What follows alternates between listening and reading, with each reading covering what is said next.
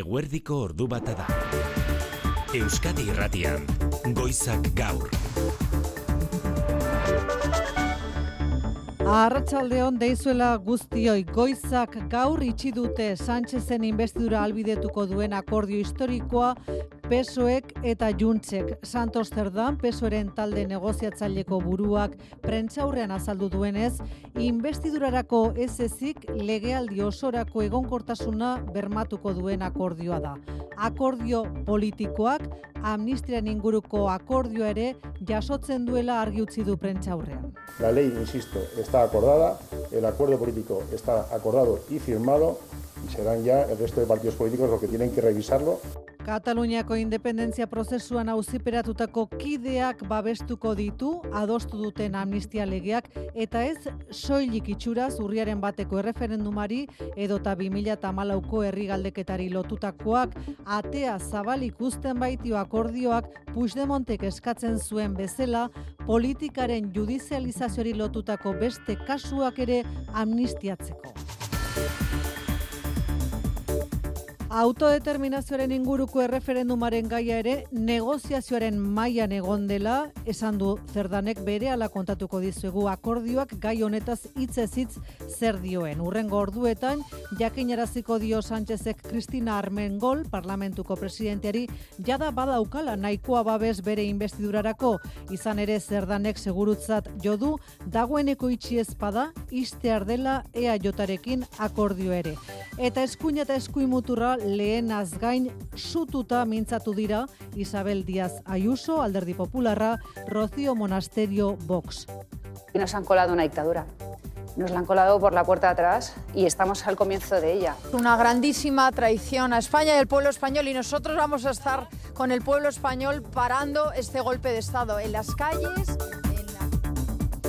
Bere ala akordioaren inguruko xetasun guztiak esan bezala goizak gaur albistegi honetan. Bien bitartean zarautzera jo behar dugu izan ere eguerdian elkarretaratze isile egin dute jamasen eskuetan hil ziren Iban Ilarramendiren eta haren emazte Davna Garkovitzen hilketak salatzeko bihar zortzi egingo dute Ilarramendiren aldeko hileta anaiak Israelen gorpuzkiak Euskal Herriratzeko izapideak amaituta Xavier Urteaga dago zarautzen arratsaldeon. Arratxaldeon, alkatea, udal taldetako ordezkariak eta dozenaka herritar bildu dira udaletxe aurreko plazan, bost minutuko isilunea eta ondoren txaloak. Zarauztarrek Iban Iarramendiren zenidei eta bere bikotekideari elkartasuna adierazteko baliatu dute gaurko bilkura entzun. Herrikoa izatea nahikoa eta egon digea, inbeste denbora zai, aber nuna saltze zian, edo zer gertatzen zan. Et. E, gertatzen nahi den guztia da e, kalifikazioik ez daka, eta horregatikan gelitu beha hemen. Eski, nola hartuko gendun ba, sekuestatuta, sekuestatuta, eta bakizu, esperantza azkena galtzelana da. Baina hola pasatzea, gauzako laia. Apoio emateko. Xavier Txurruka alkateak eberretsi du Iarramendiren anaia Israelera joan dela gorpuaren bila. Familiak esan digu, e, hileta urrengo ostirala hilak amazazpi e, izango dela, Zarauzko Santa Maria la Real Eliz Parrokian, arratzaleko zazpiretan. Ondoren, Iban Iarra Mendi, Zarauzko hierrian familiak duen panteoian eortzeko dute. Ekialde hurbilean bitartean lehen etenaldi edo pausa humanitario garrantzitsua hariko lirateke negoziatzen aldeak ordu honetan Katarren bitartekaritzarekin. Gainerako lerroburuetan inigo alusti zarratsaldeon. Baita zuri ere maite. Sexu hezkuntza pornografiaren esku guztiak dakartzan arrisku ez ohartaraziko dute aurten Erkidegoko erakundek azaroaren hogeita bostean emakumen aurkako indarkeria desagertarazteko nazioarteko egunean. Gure gazteek ikusten dituzten estena pornografiko gehien gehienek euneko laurogeita zortzik emakumeen kontrako indarkeria erakusten dutela egiaztatuta jaurlaritzak emakundek hiru foru aldundiek eta eudelek aurtengo aukeratu duten leloa onakoa da pornoa emakumeen aurkako indarkeriaren eskola da miren elgarresta emakundeko zuzendaria. Gure etxean bertan gure seme alabak emakumeen kontrako indarkeria ikasten egon aldirela. Indarkeriara sarbide erraza dutela. Eta arrisku handiena da, estena pornografikoetan ikusten duten ba, errealtzat hartzea. Ano eta futbol zelai barruan bestalde Benficako zalek Bart jaurti dituzten bengalen arira, barkamena eskatzetik arago, realak neurriak aztertuko ditu aste honetan bertan Euskadi irratiari jakinerazi dionez. Besteak beste aztertuko duena da kanpoko zaleek azpiko kanpoko zaleak azpiko armailara eta familia real zaleentzako gordetako eremua goiko armailara leku aldatzeko aukera izan ere Benficako zaleen bengalak azpiko armailan harrapatu zituzten zale askok euren aserrea eta beldurra dirazi diote azken orduotan realari eta baita guri ere. Jungien aita pila bat esekitzea seguridadekoei, ba, zerbait egitea, nik ez dut ulertzen ezer. Ez dakit errealaren seguridadea bere lana zuen egiten. Segurtasun jendia ba, ez zuen ez egiten. Beraiek ez dutela baimenik ez ere iteko eta hor zegoen. Begiratzen eta listo. Eta bengala bat, eta beste bat, eta beste bat. Azkenean planteatzen dezuna da, ba, hoi ezin joan futbolera seme alabekin. Kanpoko istiluetan ertzaintzak atxilotu zituen lau pertsonak bestalde datozen orduotan dituzte eramatekoak epailaren aurrera. Istiluak alde batera utzita Josi Maria Paula Zarratsaldeo. Arratsaldeo maite. Aurrera egin du Europan realak eta nola gainera. Bai, jarraitzailei entzun diegun testu inguru etxigarri hortan egin du aurrera egia da kirolarloan realak ziurtatu duelako azken zortzirenetan egoteko aukera. Zozketa abenduaren emezortzian izango da eta kanporak eta hori 2008 lauko otxailean. Joko ikusgarriari oraingoan bai, oraingoan golak batu dizkio realak eta Milango Interrekin batera aurrera egin du realak. Hain justu Italiaren aurka zehaztuko da abenduaren amairuan norden aurrena eta nor bigarren. Bide batez erreginaren kopan, alabez da, bizirik gelditu den bakarrak gaur atletike jokatuko du Granadan, eta gaur gainera zeiak eta laurden Atenasen Ivanovicen eskutik Olimpiakos Baskonia. Errepide sare nagusian aparteko gora berari gabe ordu honetan, jaione munarri zeuskalme eta arratsaldeon. Kaixo arratsaldeon. Nola dato zurrengo orduak jaione? Ba, datozen orduetan eodeitzen nahiko saretuta egongo da, ipar partean odeiguneak ugariagoak izango dira, baina orokorrean odeiak eta urdinguneak eta artekatuko dira. Maksimoak berriz, amasei amazazpi gradure iritsiko dira ipar partean, eta amaos graduren azpitik geldituko dira mediterraneo isurialdean.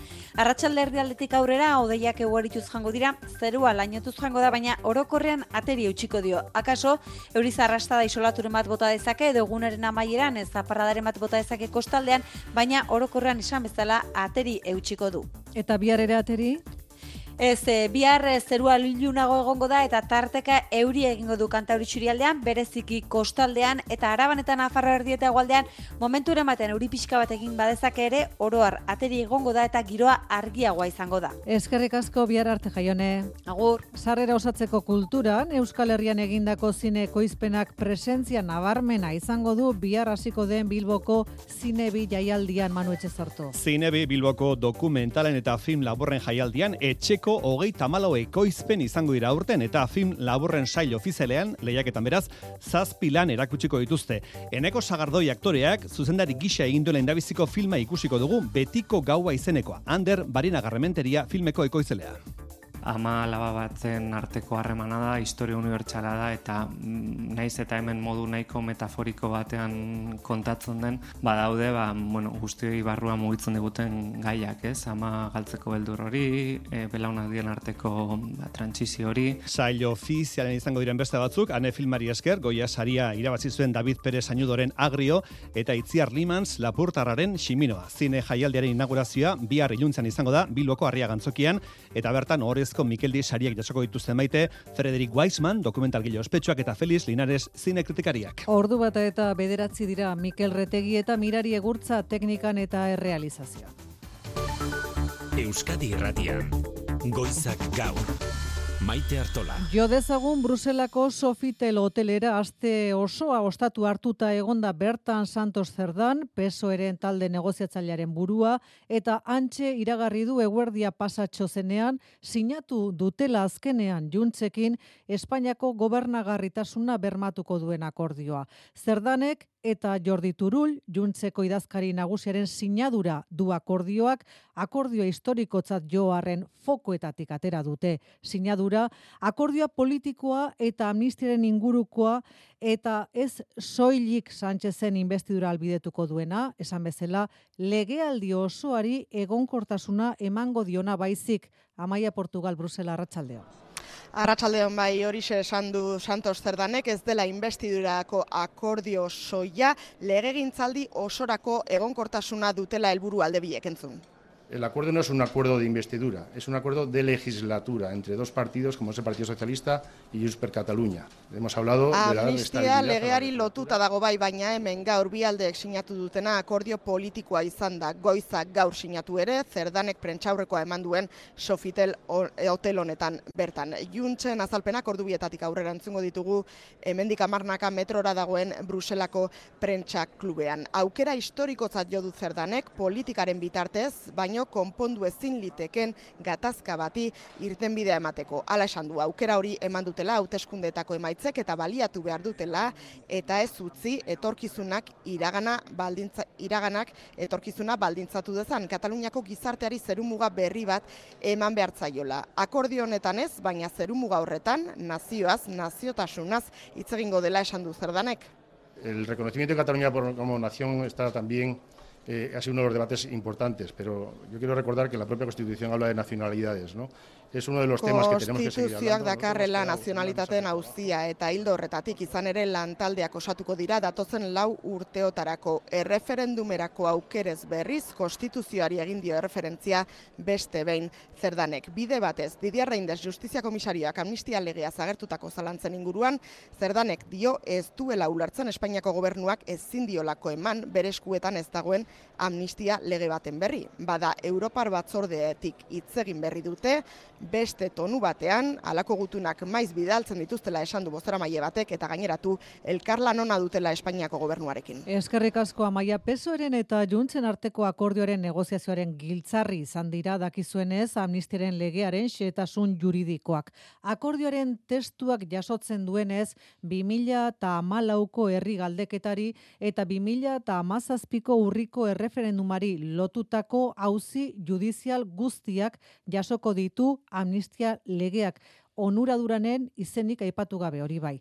Santos Zerdan negoziazio buruak azaldu du amnistia legea izatez adostuta dagoela, baina testua ezagutarazi aurretik kongresuan babestuko luketen gainerako alderdien esku utziko dutela mertzetxe berria. Bai, kongresuko erregistroan sinadura jarriko dioten gainerako alderdien oneritzia jaso zai zer dakigune honetan amnistia legeak jasoko duenaz, bada gaur sinatutako akordioak dioenez, 2008ko azaroaren bederatziko konsultari eta 2008ko urriaren bateko erreferendumari lotutako hauzi judizial guztiak hartuko dituela, Santos Zerdan negoziatzaile sozialistak datak zehaztu ditu ditu 2000 eta amabitik 2000 eta hogeita irura. Desde sus inicios hasta, hasta la fecha de hoy que, o ayer que cerramos el acuerdo, ¿no? esta noche sean los jueces los que valoren Epaileek erabaki beharko dute azaldu du zerdanek aplikazioa ez da izen partikularrei buruz hitzegin horren arira nolanai ere maite testuak jasotzen du. Ikerketa batzordeak eratuko direla datorren legealdian eta bertako ondorioek aintzat hartu beharko dutela legearen aplikazioa. Balizko lofer kasuak edo politikaren judizializazioaren pean sartuko liratekeenak sortuko balira ere. Junsen eskaria izan da kontzeptu hau barneratzea zuzenean prozesarekin loturarik izanez, baina euren iritzian politikaren judizializazioari lotuta leudekelako hainbat auzi garrantzitsu tartean Josep Luis Alai enpresariaren aurkakoa.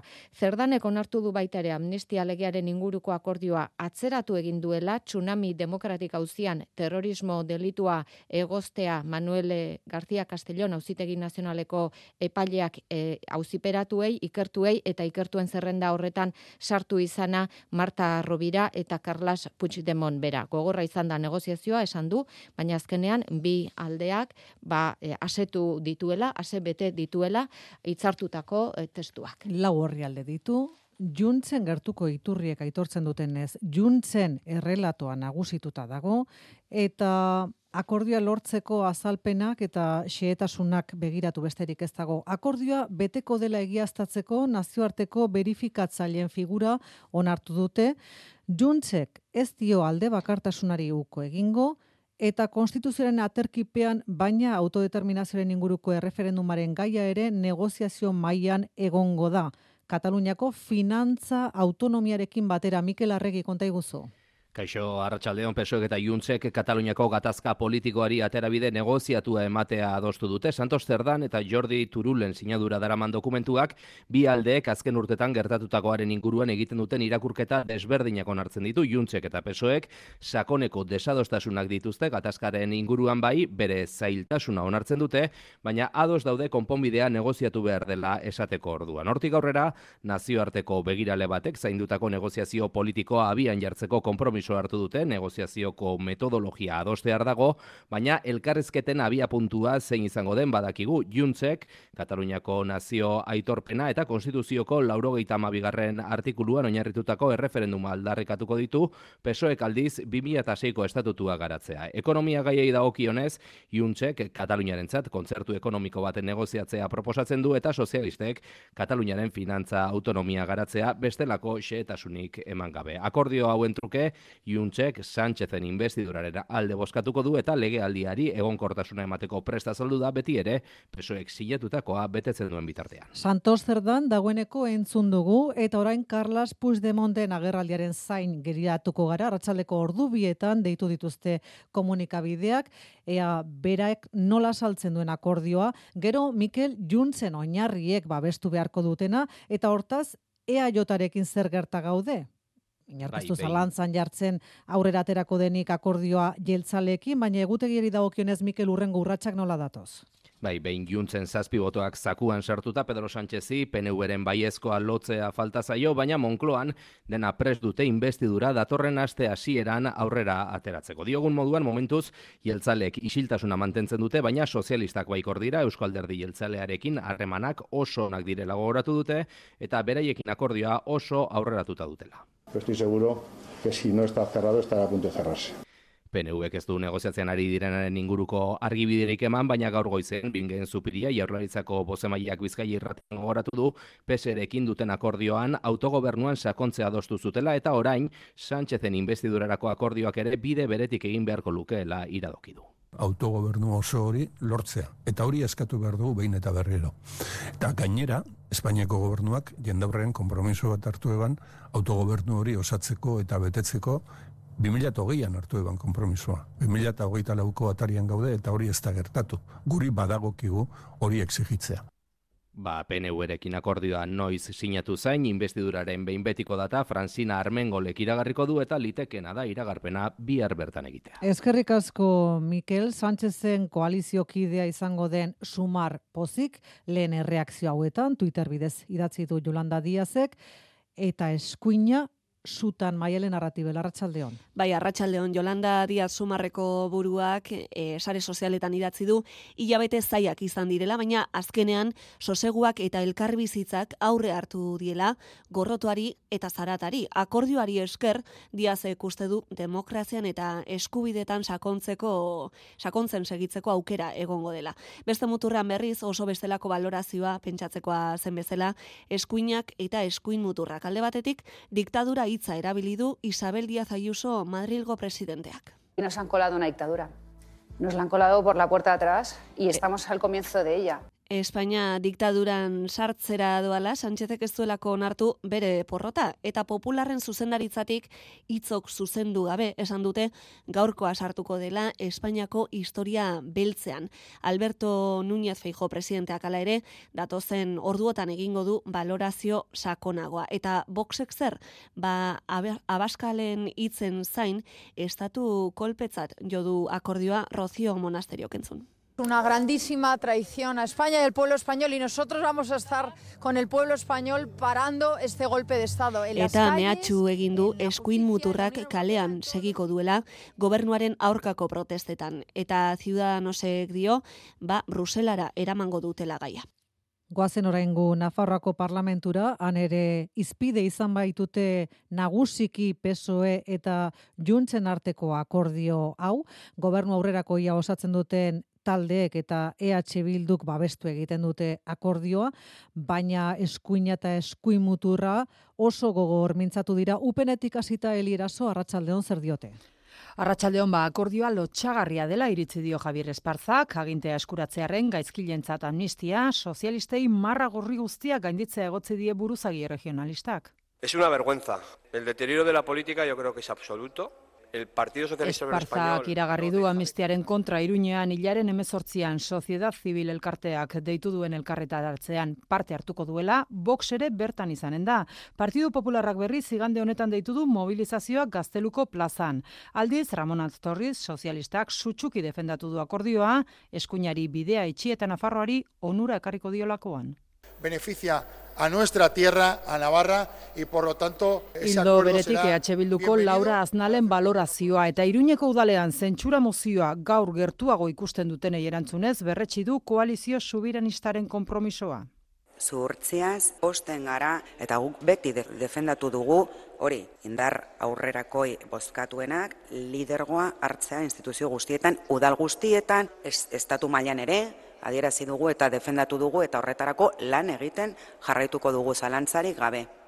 Gero abaik ere txalotu du akordioa, baina jakin nahi du Nafarroaren ze ondorio izanen duen Kataluniari zorrak itatzeak, bide batez maite foru parlamentuan bertan, PSOEren egoitzen aurkako erasoak gaitzestea, galerazi du Vox alderdiak, sozialistek aurkeztu dute, oiu frankistak, Sánchezen aurkako irainak eta konstituzioaren aurreko simboloak gaitzesteko adierazpena. Eskerrik asko Eli. Eusko Legebiltzarrean bestalde datorren urteko aurrekontuen negoziazioari ekin berri dio Azpiazu sailburuak. Hori bai akordiorako itxaropen gutxirekin berak esan zuen hori aurrez eta alde guztiek ala aitortu dute goizean ordu honetan EH Bilduren ordezkaritzarekin behar du elkartuta jaurlaritzan Axunarozen arratsaldeon Arratsaldeon bai hemen bertan legebiltzarreko areto batean hasi berri ditu Pedro Azpiazuk lehen bilera hoiek oposizioko alderdiekin eta hori bera gaur hemen osoko bilkura izen da ez dela negoziazioa hasteko modurik onena salatu dute oposiziotik. Edo nola ere, jaularitzak onartutako aurrekontu proiektuak ez diela dauden arazo nagusiei erantzuten salatu dute eta bai EH Bilduk eta baita elkarrekin Podemosiuk ere arazo nagusien artean osakidetza aipatu dute. Nerea Kortajarenak eta Miren Gorrotxategik hitz egin dute bilerasi horretik. Ez dago inolako planteamendu politiko sinesgarririk kronifikatzen ari zaizkigun arazo guzti horiek, bereziki osakidetzan kronifikatzen ari zaizkigun arazo guzti horiek, ba ondo bidean eh, jarriko direna, ez? aurrekontu hauek ez direla nahikoak, ez dira gai dauzkagun erronkei erantzun behar bezalako emateko, ezin da osasun zentro bat mediku gabe egon, ezin da herri bat eskola publiko, eh, publikorik gabe egon, eta aurrekontu hauek horrelakoei ez erantzunik ematen. Bilera errondak arratsaldeko lehen orduan izango du jarraipena iruretan popularrekin eta iruterdietan ciudadanosekin, gaurko erronda honek balioko du lehen hartu emana izateko eta gaur biharretan azkeneratu eta plazaratuko dituzte oposizioko alderdiek haien eskaerekin egiten dituzten proposamena. Legebiltzarretik atera gabe, mugikortasun jasangarriaren legea onartu du gaurko osoko bilkuran, jeltzale sozialista popular eta ciudadanosen aldeko botoekin. Lege honen helburua da, garraio iraunkor eta publikoa sustatzea, garraio pribatuaren erabilera zigortzeko atea zabalduta. Etorkizuneko dekretuek eta foru aldundien eta udalen erabakiek zehaztu beharko dute zen neurri zehatz jarriko dituzten erakunde gindarrean, mugikortasun iraunkorraren aldea inara rubio. Garraio publikoaren eta mugikortasun aktiboaren sustapena ditu ardatz onartu den legeak azken batean garraioari lotutako karbono aztarna murriztu danen. Iñaki Arriola garraio salbuirua. Garrantzi handiko araua da, honako hau, eta haren helburu nagusia garraio sistema iraunkor eta berritzaile bat lortzea da. Garraioari lotutako fiskalitatea aurre ikusten du legeak, foru aldundi eta udalek kutsatze mailaren arabera bonifikazioak edota tasak ezartzeko aukera izan dezaten, hiri eta herriguneetan garraio pribatuaren sarbidea murrizteko sistemen aukera jasotzen du testuak, mugikortasun aktiboa bultzatzeko eraikin publikoetan bizikletentzako aparkalekuak ezartzea eta trenbide bidezko merkantzien garraioa indartu nahi du. Bi urteko epean, garraio txartel guztiak bateratzea aurre ikusten du gainera. EH Bilduk abstentziora jo du epe motze du ertainan ez duela aldaketarik ekarriko uste du elkarrekin Podemos iuk kontrabozkatu du legeak ez duelako argi eta garbi garraio publikoa hobesten garraio pribatuaren aurrean. Eusko Legebiltzarrean gaur beste lege bat ere onartu da estatistikaren legea kasu honetan hau batez. Ordu bata eta hogeita lau minutu dira pornografia emakumen kontrako indarkireren eskola bihurtu da gazteentzat eta beren sexu hezkuntza pornografiaren eskuztearen arriskuez ohartaraziko dute Euskal Erakundeek azaroren hogeita bosterako prestatu duten kanpainan. Datu bat, amabi urterekin hasten dira bataz beste pornografia konsumitzen gure aurrak, eta beste datu bat, amar estena pornografikoetatik sortzitan emakumen kontrako indarkeria erakusten da fisikoa edo ahozkoa zurin berria konta iguzu. Biartik aurrera, hause da irratian, telebistan zein bestelako euskarrietan zabalduko den mezua. Angel Rositut izenak aktore porno naiz. Iabete pare bat aramat zure zemeari menberatze sexualerako teknikak erakazten. Kanpainak gazteen sexu hezkuntza pornografiaren esku usteak dakartzan arrisku eso hartaraztea du helburu izan ere hamar esenatik sortzik emakumeen kontrako indarkeria erakusten dute dela fisikoa dela hitzezkoa. Nerea Melgo Saiaularitzaren berdintasun sailburua eta miren elgarresta emakundeko zuzendaria. Honek euren sexu eziketa duen eraginaz pentsatu behar dugu pornoa indarkeria eskola bihurtu da. Gure etxean bertan, gure seme alabak emakumen kontrako indarkeria ikasten egon aldirela. Indarkeriara sarbide erraza dutela. Bataz beste amabi urterekin hurbiltzen dira aurrenekos pornografiara eta gazteen erenako onartzen du pornoak eragin handia duela beren sexu harremanetan. Goizak gaur. Ordu bata eta hogeita zei dira gazan, hiru eguneko suetena negoziatzen ari dira jamas eta Israelgo gobernua baituak askatzen astearen truke. Estatu batuetako gobernuko iturrien arabera, amarredo amabos baitu izan litezke negoziazio honetan jamasek askatuko lituzkenak. Arlo militarrean berriz borroka nagusiak gaza irian ari dira izaten, bart berrogeita amar mila zibil ebakuatu dituzte iparraldetik hegoaldera gaur ere zabalik dago korridore hori. Mikel Aiestaran eite beren bidali berezia Jerusaleme marratsaldeon. Arratsaldeon, milaka gazatarrek egin dute ies iparraldetik Israelgo armadak irikitzen dituen leioak aprobetxatuz. Esku utxik ateratzen dira eta oinez egin behar dute ibilbidea. Askok zapi zuriak daramatzate eskuan. Israeldarrek korridore humanitarioaz hitz egin dute, Hamasek salatu du biztanleriari derrigorrez ezarritako leku aldaketa dela eta nazio batuetako erakundeari armadarekin elkarlanean aritzea leporatu diote. Kalez kaleko borroka gazako irira iritsi da, Eta orain, arte armadak uste baino erresistentzia txikiagoa izan du, badirudi milizianoak tuneletan zain daudela eta talkako soleku zehatzetan gertatzen direla. Katarretik eta Egiptotik esan dute sueten akordioa gertu dagoela baituak kaskatzearen truke, baina Benjamin jauk azpibarratu du ez dagoela prest suetena onartzeko. Nazioarteko presioak ezin du oraingoz lortu jauk iritzi aldatzea.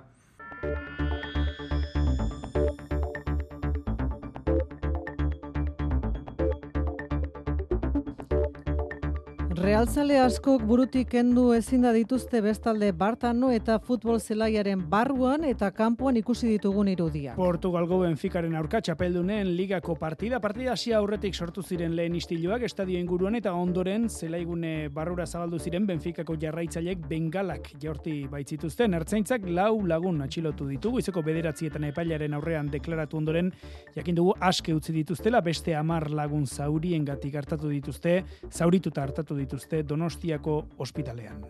Oian ei usto segitze egin du batzuekin da besteekin. Donostia, Amara auzoa, Arratsaldeko seiak pasa dira eta realtzaleak gerturatzen hasi dira. Alea ginen Donostia, Kriston ilusioa eta ume goxokilek erosiko ben iskola, eta goxokien da sartu ginen, da golpetik jende dana korrika hasi izan, goxokien ditxi, pertsiani bota zeben. Aurpegia estalita zuten Benficako jarraitzaile eta ertzainen arteko lehen listarrak sortu ziren, baina zelai barura zabaldu ziren ondoren. Bigarren zatiko, zakit, bos minutu pasandoren, hasi ziren gauza botatzen, e, botillak eta danontzia botatzen, goitikan. Nere atzeko Andreari adibidezan e, burua erikizioten. Lotxagarria, penagarria, eta batez be, beldurgarria. Umeak ikusi zutenean, goitik bera, bengala botatzen, momentu baten ematen zuen, sua piztingo zala ere, ba, umeak hasi zien, e, negar baten, dardarka, izututa, guazen etxea, guazen etxea. Izan ere, goiko armailetan esertzen dira kanpoko taldeko zaleak eta bekoan, familia armailakoak dozenaka familiek aurrak hartu eta alde egin zuten, baina giroatzen baretu. Irteten ari ginalean, baina zelai barruan, ba, Benficako zale bat, gu jotzen saiatu egin zan. Ertzainak antzeuden, harrapatu zuten tipoa, baina gero berriro, gure ganatorri zan, eta pues, zorti urteko ume batekin egoera, pues, tamalgarria. Zaleak oso aserre daude, neurriak ez direlako hartu. Seguriatua eskua garbitzen zuten, esaten zuten beraiek ezin zutela zer egin, eta ertzainek esaten ziguten ezin zutela igo autorizazioa ez zutelako. Nik ez dut ulertzen ezen. Ertzainak esan, niri zuzena esan ziaten ezin zutela zelai barruan sartu. Baina zelai barruan zeuden, ezin zutela, ez zietela guzten. Eta hasi dira aurrera begira nola jokatu erabakitzen. Ah, atzuko izan zen oso larria, oso oso larria, eta azkenean planteatzen dezuna da, bakit, ekintza oso polit bat, futbola jutea, realazko zatzea, baina ezin den familian egin, ezin umeekin egin. Horentxe, pogo gutxi, zelaira eitzuteko. Ordu bata terdiak jo berriak, bere ala Jose Maria Paulazarekin kirol legez. Egia esan eh, Jose Maria orain entzute genuenean, ez? Ezin dut aurrarekin joan. Bai, etxigarria da, etxigarria da. ematen duen, Futbol partida jarraitzen ari zara eta ez dakizu goitik ze iritsiko Ze zaizun egia esan. Etxigarria. Trafikoa eta eguraldia.